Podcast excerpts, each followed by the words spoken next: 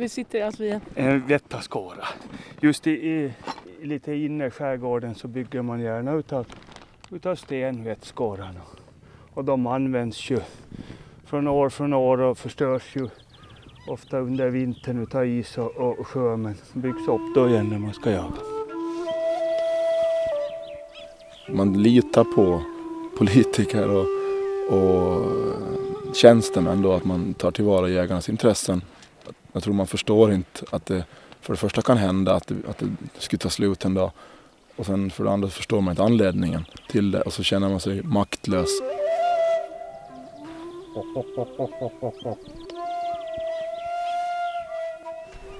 Och andhonan fällde bryr. Det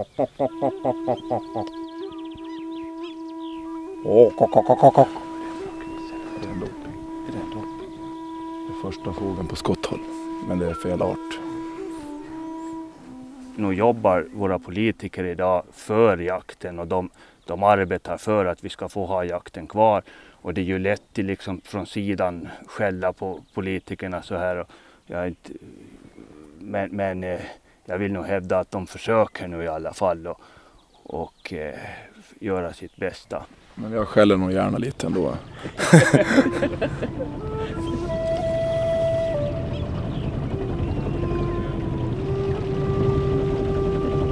Det är mm, vårfågeljakt. Klockan är väldigt tidigt på morgonen och jag har hängt med Göran och Johan ut. Sitter i Johans båt faktiskt. Ska iväg ut och skjuta sjöfågel. En aktuell debatt är det dessutom. Så vi tänkte vi skulle se det här lite ifrån, ifrån jägarnas synvinkel, eller perspektiv om man säger. Men ruskigt tidigt är det i alla fall. Men det är också oerhört vackert. För solen har inte riktigt gått upp ännu och det blåser ingenting. Så det är som att åka i en tvålkopp på en spegel ungefär.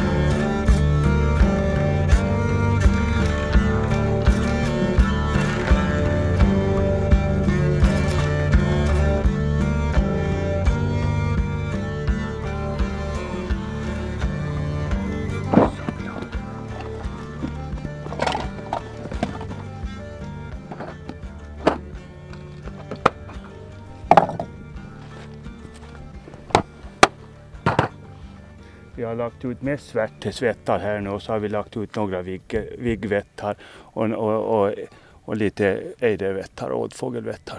Hur tänker man när man lägger ut dem? Ja, man försöker lägga ut dem så att det ska se så naturligt ut som möjligt och locka fågeln så bra som möjligt. Vi har ju fina vättar idag. Vi har riktiga, riktiga dunvättar som är gjorda på, på riktigt gammaldags sätt. Det är ju det äldsta sättet att göra vättar det utav, utav fågelskinn. Hur viktigt är det att man är tyst när man håller på med sånt här? Nej, det är, inga, det är inte viktigt. Med den här jakten så kan man prata ganska helt normalt så tillvida man nu inte har fågel som, som man ser som är på väg att simma in i, i vättarna och som man liksom väntar på. Då måste man ju vara, då får man inte prata med alldeles för hög röst. Men så här normalt när man väntar på fågel som ska komma flygande så då kan man ju föra ett normalt samtal. Är det en placknisse? Tittar du, har du kikat nu eller? Jag tror det är en Nu är det en liten fågel som är ute och simmar där. Jag undrar om inte det var en dopping. Ja. Det är första fågeln på skotthåll, men det är fel art. Det är det som skiljer den vår, åländska vårjakten från, från de flesta andra sjöfågeljakter som idkas mot änder och så. Att vi måste ha noggrann reda på vad vi skjuter på faktiskt. För det är ju skillnad, man måste skjuta på enbart hanfågel. Och dessutom skilja på arterna noga. Är det svårt att se skillnad på dem? Ja, så här tidigt som det är nu när det är mörkt nu så då måste man en kikare för att skilja hane och hona och, och arterna också. Solen har inte riktigt gått upp ännu. Det är som ett orange streck. Hur många är det egentligen som ute och rör sig runt på vårjakten? Kan man säga det? Eller? Ja, vi, vi har ju totalt på Åland cirka 4 000 personer som löser jaktkort. Och eh, ja, hur många som bedriver vårjakt? Vad tror du Johan? 3 000 drygt? Ja, något sånt. Det är många som är bara är ute liksom och ser ett sällskap. Är det för många som jagar på Åland? Nej, vi anser, jag anser inte att det är för många som jagar för att vi har ju jag hävdar ju det att, att den jakt vi bedriver idag så, så våra fågelstammar tål den bra och det har vi ju. Vi har ju ökande fågelstammar som till exempel ejder så, så har vi väl inte haft så, så mycket nu på de här senare åren som vi någonsin har haft. Så vi har starka fågelstammar som bevisligen tål det här jakttrycket mycket bra. Viggen är en annan art som, som har ökat mycket och sånt. Så att, att eh, jag anser ju nog att vår fågelstam tål den här jakten. Det är inte frågan om det. Och sen på det sättet vi bedriver den till så, så vi skjuter ju hanfågel som ofta finns i, i flera antal så vi sparar ju honorna som, som ska som, som kommer ut med ungar sen då. Så på det sättet är den ju lite... Är, är alla lika noga och, och, och kollar att de verkligen skjuter rätt fåglar? Ja, det ska jag väl påstå för det är rätt stränga straff för om man skjuter fel och, och så. så det, man kan bli av med licenser och gevär och tidigare var det den lite lindras upp där för det var verkligen hårda straff tidigare. Och där är ju, det är ing, ja, jag skulle säga att det är enbart misstag. Och de få misstagen som är så, så som nu kan möjligtvis ske så de, de är försumbara. Den kommer, det kommer ut den där.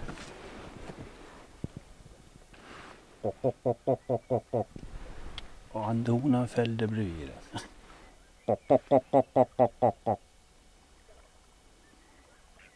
Ska du ta den? Jag tar den du.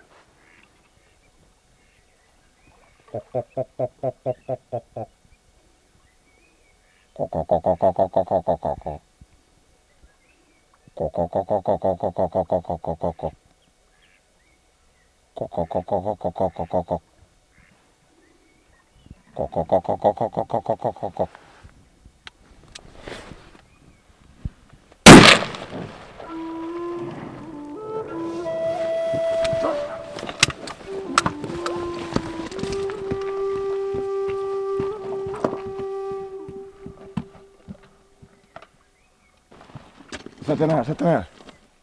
Sätt den när det kommer svart på.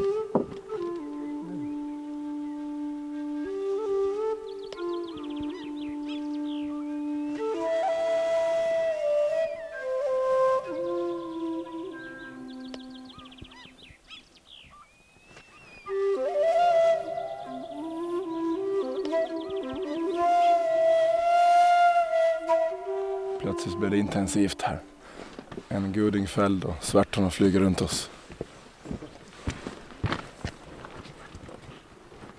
Det. kommer ett helt gäng ålfågel.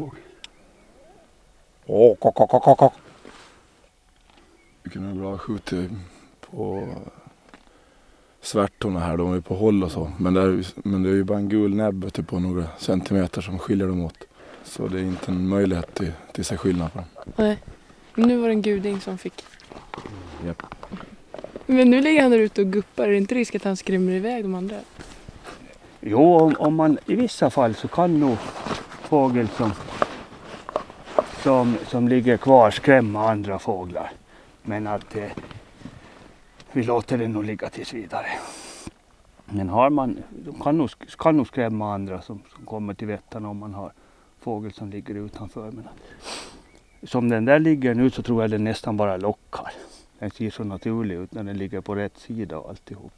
Det blir som en live-vätte. Ja. Ja, det är så pass mörkt ännu så Ja. det har ingen betydelse. Det är nästan sämre till far och bärga som det heter med båtarna för då skrämmer man ju. Ja, just det. Måste Ja. ja.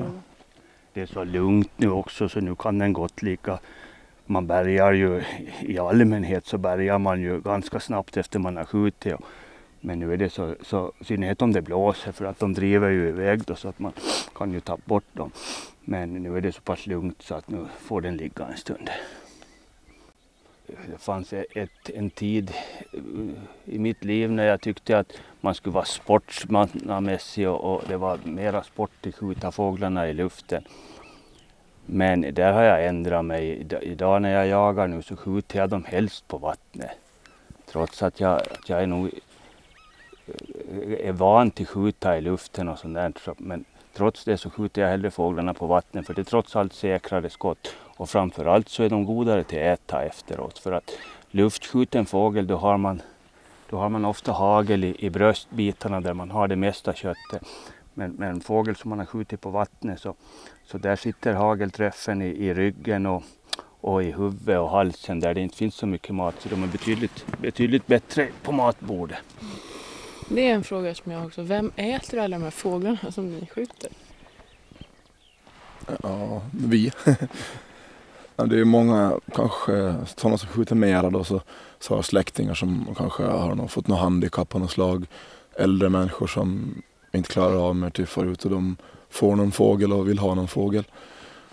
Och annars äts det ju upp I hemmet? i hemmet. Enligt vår lag det är ju också en, en sak som ska så, som är med för att hålla den här vårjakten på en så låg eller liksom så på en lägre nivå så, så det är lagförbjudet att sälja fågel. Man får inte skjuta fågel och, och sälja till avsalu. Det, det, det har det varit under lång tid. Vi får gå tillbaka till kriget för att under krigstid då såldes det sjöfågel från Åland. Men, men, men just efter kriget så kom en sån lag som förbjöd, förbjöd försäljning. Men just med det där med ätande så, så det äts mycket sjöfågel. Det är en lite speciell smak på den här, på den här, på de här vi skjuter ju dykhänder då, ejder och svärta och, och sådana här saker. De har en lite speciell smak som skiljer sig från, från änder och sånt här. Det är kanske lite kraftig speciell smak men den är mycket uppskattad här. Folk som är vana med den och har växt upp den så, så, så växt upp med, med att äta sjöfågel så, så ser fram emot att få äta sjöfågel på våren. Tillagad på traditionellt sätt. Och jag, jag, jag skjuter ju en del fågel och vi äter mycket sjöfågel hemma hos mig. Men jag, precis som Johan sa så har jag, jag har några vänner och bekanta som inte har möjligheter att, att jaga själv och de brukar jag skjuta någon, någon fågel åt och, och ge färdigt förberedda förberedd för grytan och det uppskattas väldigt mycket.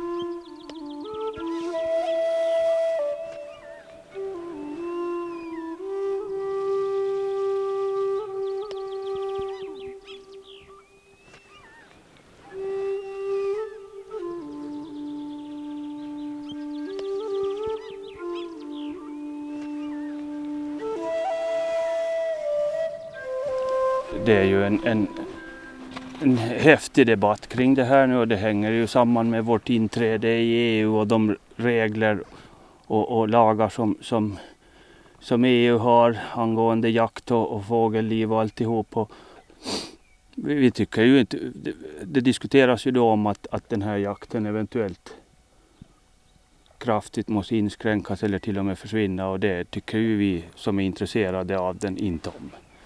Och det är ju en, en urgammal tradition det där sen första, sen, sen de här öarna kom upp så har det ju bedrivits fågeljakt här och, och vi tycker att vi, på våren. Och vi tycker ju att vi skulle få fortsätta med det så inte tycker vi ju om det här som håller på att hända nu. Det är ju en betydligt större grej än att skjuta på hösten än på våren. Det är liksom den här vårjakten så speciell här på Åland så tillvida att vi skjuter ju endast hanfågel och på hösten så har vi ju inte någon hanfågel. Här av flera sorts arter. Av nästan samtliga är det väl egentligen. Utan då är det ju bara honor eller halvflygga ungar då som man skjuter. Eller skulle skjuta på sådana som just har börjat lära sig flyga. Och, Och vi kan ju lätt byta och inte kanske särdeles bra byte om det är mer etiskt och så till jaga dem på hösten. Och när de flyttar andra vägen så det är bara människan eller någon som har hittat på dem, de sakerna. För eh, alla rovdjur och rovfåglar och alla de jagar ju året om. Inte det är någon som har skillnad på våren eller hösten eller vintern eller sommaren till jaga. Utan man jagar när, det, när man behöver det och när det, när det finns fågel. Det är många på jägare i alla fall som värnar mycket, mycket om, om sjöfågel och, och som ser och håller reda på vem som är var, ute var och man, man hör lite och håller kontroll på var, hur det är med fågelstammar och intresserar och sätter upp holkar. Och, men om man eh, av eh, olika orsaker då inskränker eller tar bort vårjakten så då försvinner det intresse av att vårda sjöfågelstammarna och vara intresserade av att det ska finnas sjöfågel. Och då blir det kanske mer exploaterat och på många sätt förstörd naturen. För det här nu som vi ser framför oss, vi har hela norra Ålands skärgård, vi har hört tre skott i fjärran. Vi har inte sett, en, sett eller hört en annan båt. Och vi är ute nu på en helg kan vi säga. För det är en sån här mellandag som många har tagit ledigt då för sjöfågeljakt och, och så. Så det här trycket på, på fågeln är ju inte stort i alla fall. Eller? Men det där med att fåglarna skulle vara känsliga under den här perioden. Är det så? Är det osportsligt att jaga fågel för att de håller på iväg på häckning? Det kan vara känsligt men det är ju lika känsligt på hösten då de som har klarat häckningen, häckningsperioden då, vad det innebär med, med, med svårigheter för sjöfågelungarna med trut och, och, med andra predatorer. Så det är lika känsligt liksom när de ska tillbaks då till sina övervintringsställen. Så vad som är eh, känsligt och extra viktigt så det är att man är varsam och försiktig i skärgården just när man rör sig, friluftsliv och att man inte skrämmer upp ådor och, och häckande fågel från, från sina räden så att trutar och, och kråkor kan komma och, och förstöra äggen.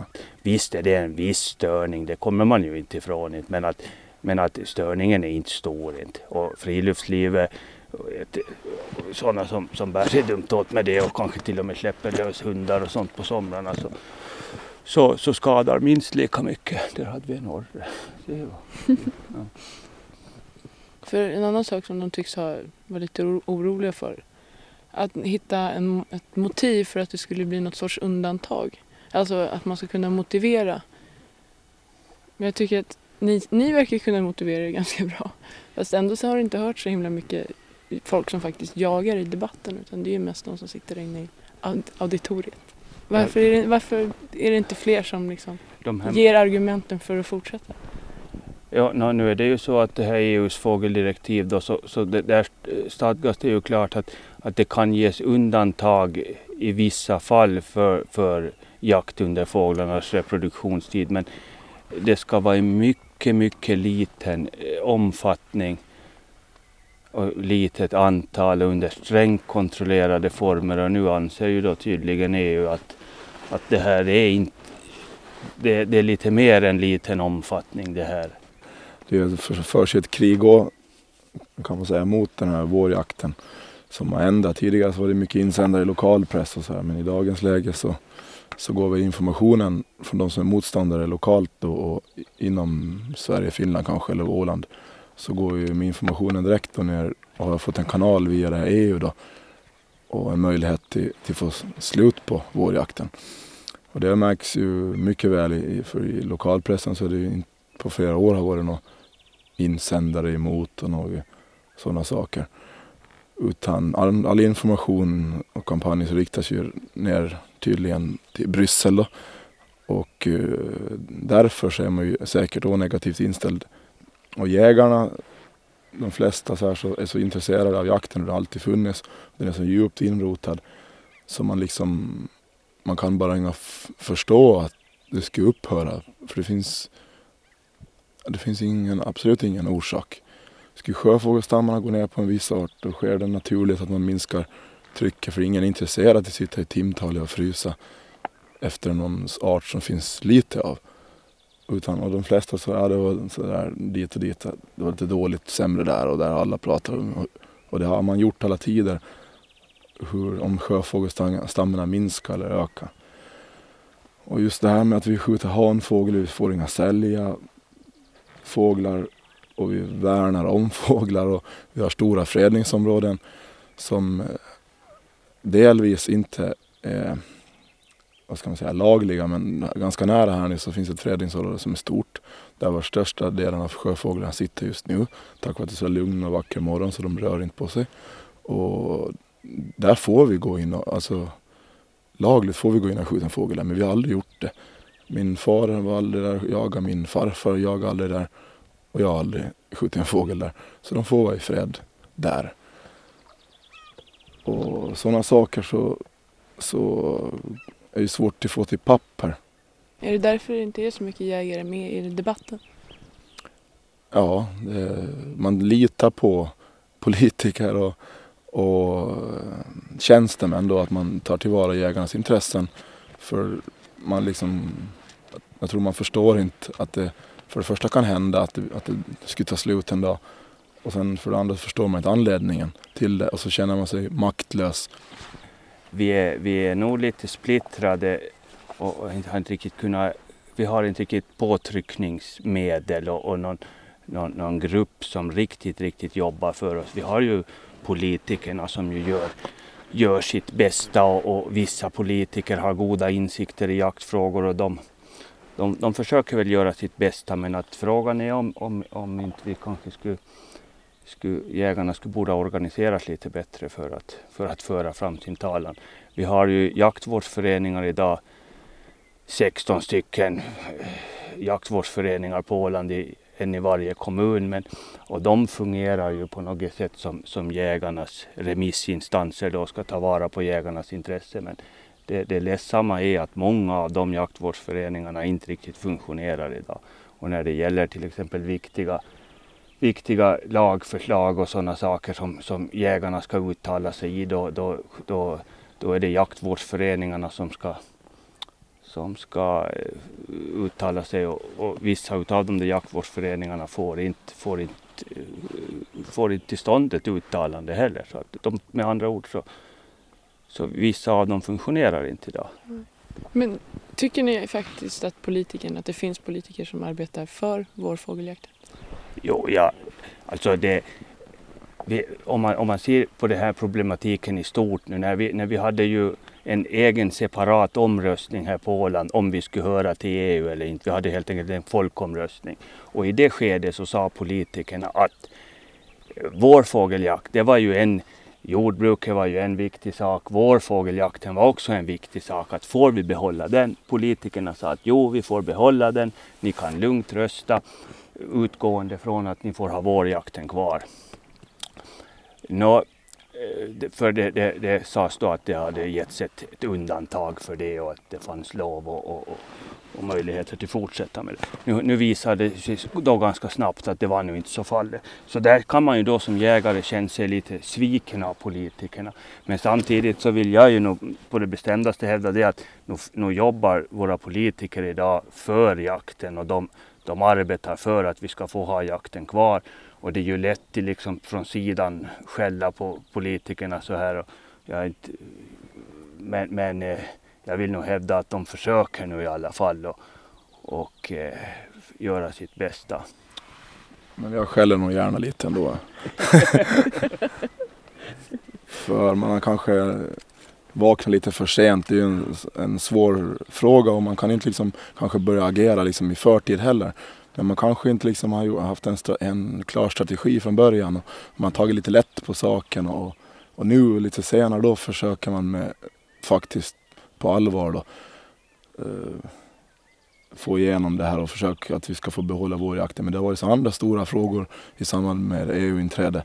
Så det har liksom blivit lite sidosatt och man har skjuter det framför sig och man inte tagit tag i det. Så man skulle borde ha helt enkelt satt lite mer resurser på det här i ett lite tidigare skede för att studera vad, vad konsekvenserna kan komma att bli.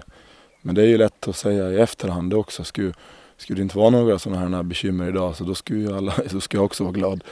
Men nu känns det som det, det har lite man har tagit lite lätt på det. Det är ju rätt komplicerade frågor med lagstiftning och juridiskt sätt. Man har ju det här... Ja, man skulle ju gärna hjälpt till på något vis. Och de som beslutar de här frågorna och, och tar de verkliga, verkliga besluten nere i, i Bryssel då, eller EU. Så eh, de får gärna vara med en månad ute, så, eller två månader ute här i skärgården. Både före islossning och efter islossning, under vårjakt och på sommaren. Och vara med och lära sig och, och, och se hur det här går till och hur det sköts. Och då kan jag med säkerhet lova att man hittar någon form av undantag som gör det möjligt att fortsätta. Men eh, det kan man ju lätt förstå att det är ingen som har tid till att sätta sig in i en sån här liten fråga nere i Bryssel.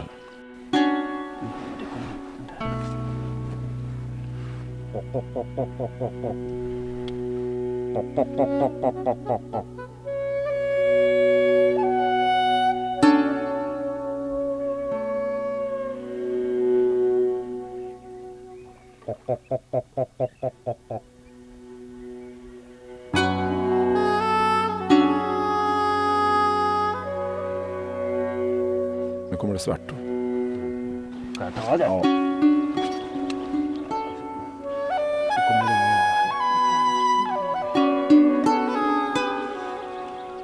Där var gubben bak. Helt tydligt. Det var svartespår som for förbi. Det kommer en lokal fiskare som ska upp och ta nätena. Ja, han är tio. Han är no- normal. Han kommer klockan fem. Ja, det är Börje heter han.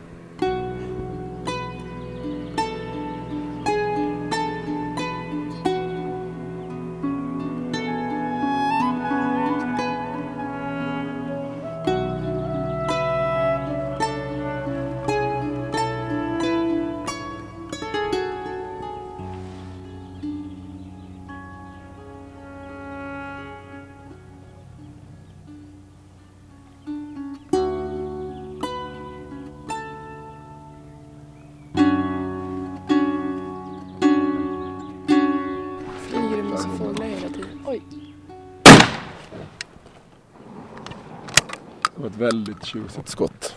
Är man riktigt intresserad av jakt så, så det finns ju sådana som säger att inte det, inte det är så viktigt att man nu får någonting. Det är liksom naturupplevelsen som är det centrala. Men jag, jag, jag är väldigt naturintresserad och jag njuter av naturen också. Men, men, men jag är nog så jaktintresserad att jag, jag vill nog gärna ha något byte med mig. Och det ingår nog i det här intresset att, att man ska få någonting med sig hem. Det är nog det är den gamla samlarinstinkten.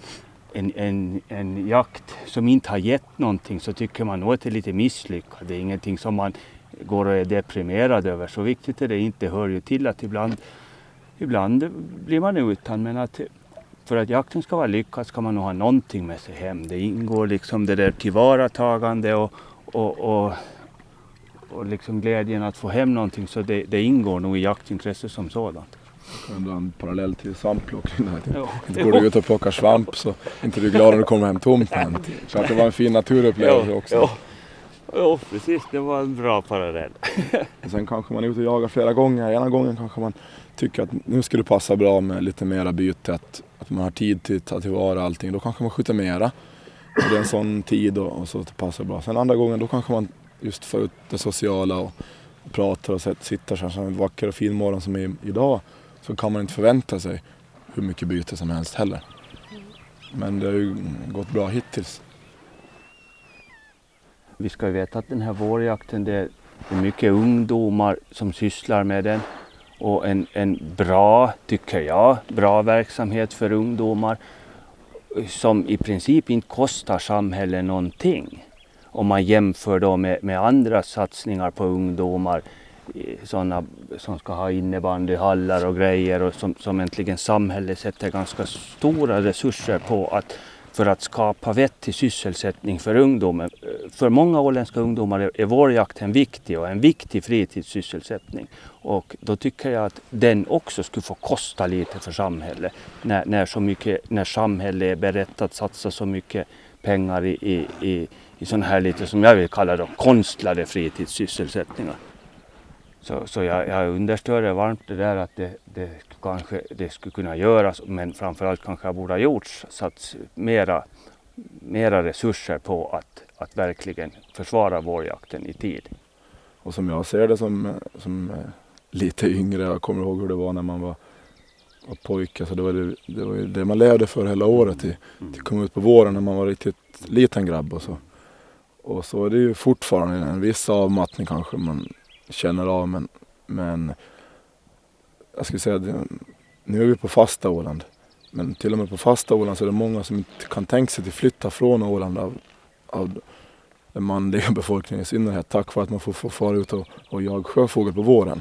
Så vilket gör, att man väljer till, till söka sitt arbete och leva hemma på Åland och, och, och bli bofast där. Just bara för att man trivs så mycket med det här ja, jakten och friluftslivet och vårjakten i synnerhet. Då. Och för att inte tala om i, i skärgården.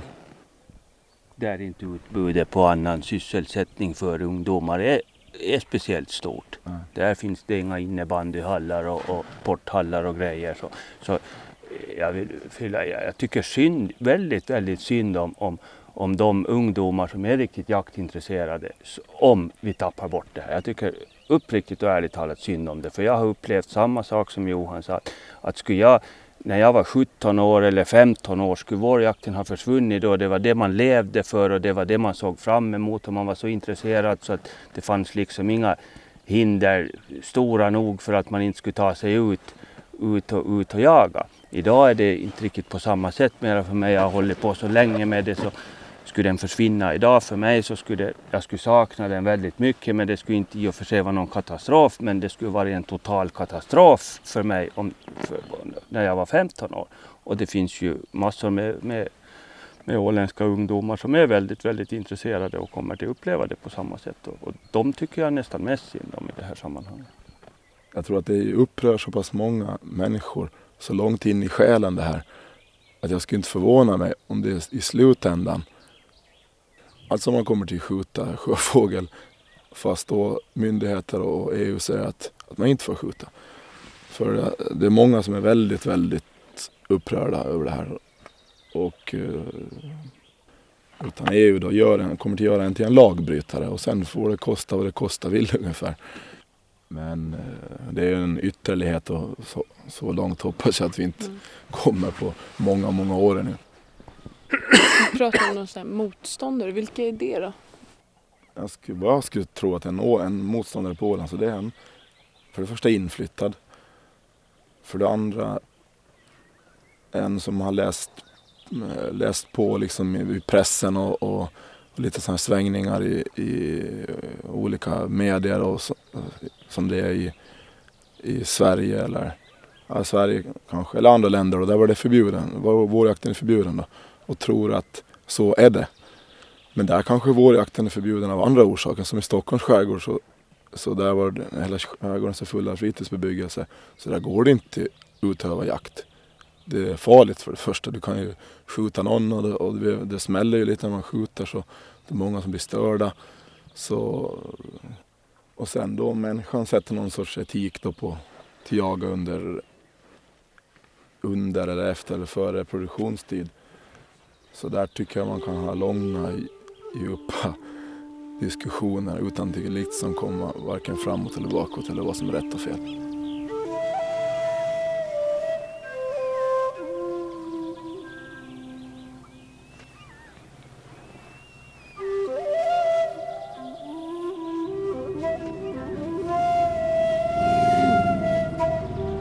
Då har vi skjutit klart för idag och plockat upp alla vättarna och plockat upp är på väg att plocka upp. Och där kommer en fågel och den kanske jag ska plocka upp. Två gudingar och två svärtor blev kalaset idag.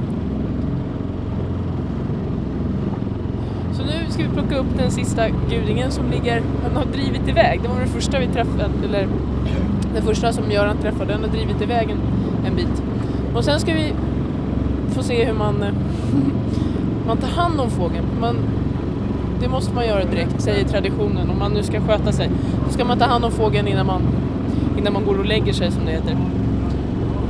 Jag fick också lära mig att man ska vara snäll mot fågeln även fast den är död. Så man får inte hålla på och slänga runt den som en, någonting utan man får man ska vara ödmjuk.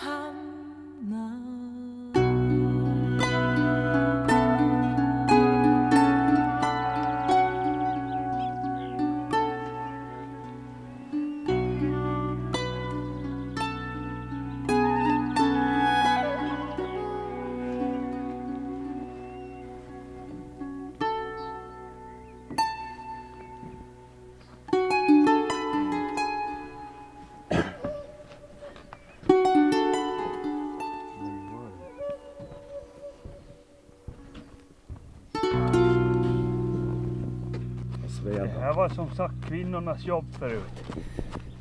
Karlarna kom hem, meddelade hur många det låg i båthuset och att det är klart till plocka och de gick och la sig och sova. Då hade de gjort sitt. Det är tunga arbete. Det tunga jobbet att få livet av dem. Jag tycker inte att det här ser så himla kul ut, är det det? Nej, det här är, Det är en del av det är en del i det. Inte, det är något roligt och inte något svårt. Men det är, har man lite fågel så tar det ju en... Det tar ett dygn om du är ute och skjuter fågel. Innan du har allting upprätt och klart och, och sådär så tar det nästan, om du har lite mer och, och du är ju trött och måste ju sova och sådär. Så, så det tar ju ett dygn nästan innan det, allting är avklarat. Man ska vara ganska stark i tummen och så här för att få tag och, och liksom reppa bort. Eller en speciell teknik egentligen. Det finns ju, det finns ju två sätt, det här, två sätt att, att, som används att, att ta vara på fågel. Eh, det här är det traditionella sättet att plocka dem och, och jag tycker att det är det bästa sättet fågel som är plockad smakar bäst. Eh, men det andra sättet är då att, att, att flå dem. Det är en mycket, mycket snabbare metod men, men eh, en del föredrar det för att det tar bort en del av den där lite speciella smaken i och med att fettet försvinner. Men eh, ska man laga dem på ett traditionellt sätt så ska de plockas. Och jag personligen tycker att de är, är godare till att äta om man har skinnet kvar för att de blir blir saftigare i och med att man har fett under skinnet. Och, och skinn är gott också. Är vissa arter lättare att plocka än andra? Ja, Göran är ju lite bekväm så han tog den lättaste här och jag fick den tyngsta. Du har alltså... Den är den är tyngst. Det är ganska stor skillnad. Men nu plockar jag en knipa och Johan plockar en ejder och det, vi plockar väl ungefär ytterligheterna. Knipan hör till de lätt, mera lättplockade och ejdern är den som Johan sa den absolut mest tungplockade. Det är ju med allt vilt som man jagar att man visar lite respekt för och vördnad. Att man inte liksom... Att man handskas rätt med dem. Att man inte... Att de ligger liksom i båten i vatten eller blodiga. Utan man lägger dem rätt och hänger dem gärna på samma sätt snyggt och så här. Och då är det ju godare att äta om man vet att de är bra att handskas med.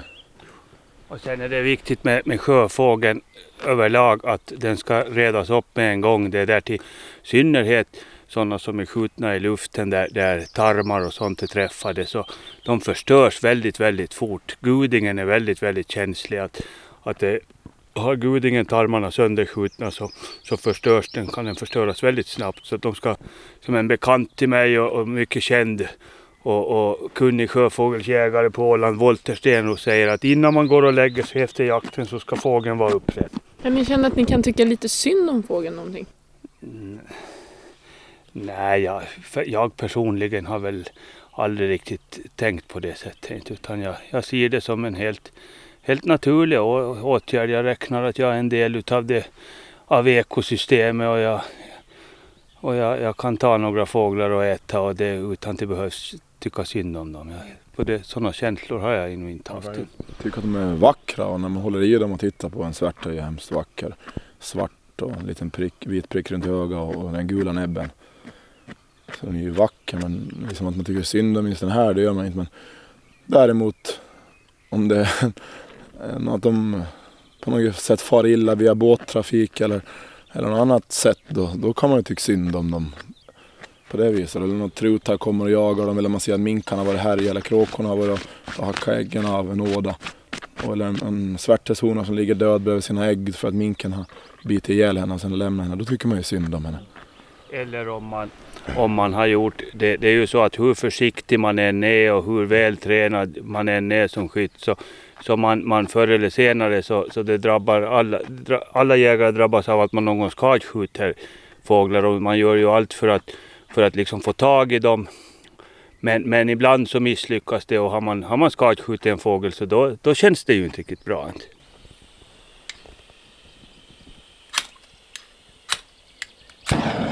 Oj. Det där var ett knep. Tändstål. Det här är som en sån här gasolbrännare som man hade i plugget vid kemin. Så nu ska, vad, ska, vad händer nu Göran? Berätta. Nu, nu, ska, nu har vi plockat fåglarna och nu fåglar av den här sorten har ju alltid en dun kvar så nu sveder vi dem, alltså bränner, bränner bort det där sista dunet. Det luktar. Det luktar inte som bränt hår. Utan det luktar Bränt fjäder. bränt fjäder. Men jag tänkte, Vad hände? Ska jag ta min lilla gasbytta? Du har hört Göran Forsgård. Det är klart att blir det en morgon eller en eftermiddag med väldigt, väldigt dåligt med fågel och, och sånt så kan man kanske uppleva det som, som lite långtråkigt ibland. Men, men jag, jag känner nu inte något sånt utan jag tycker nog att det är en behaglig, behaglig tillvaro till sitt i skåran. och Johan Mörn. Det är det som skiljer den som är verkligen intresserad jägare. Så. För det första så har han ju bett, stora möjligheter att välja vad han jagar och när han jagar. Och, och är lite mer kunnig. Men sen har just det här tålamodet. Och att man njuter av själva miljön och naturen och allt annat som man ser. Men själva helhetsupplevelsen är det som gäller. I ett program av Malin Chibon om den åländska vårfågeljakten.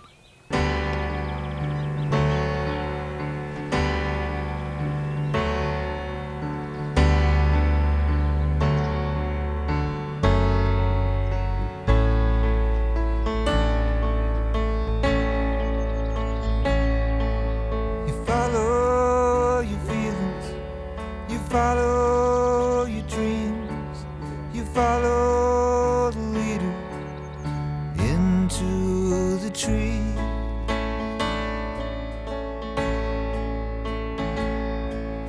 And what's in there waiting? Neither one of us knows. You gotta keep one eye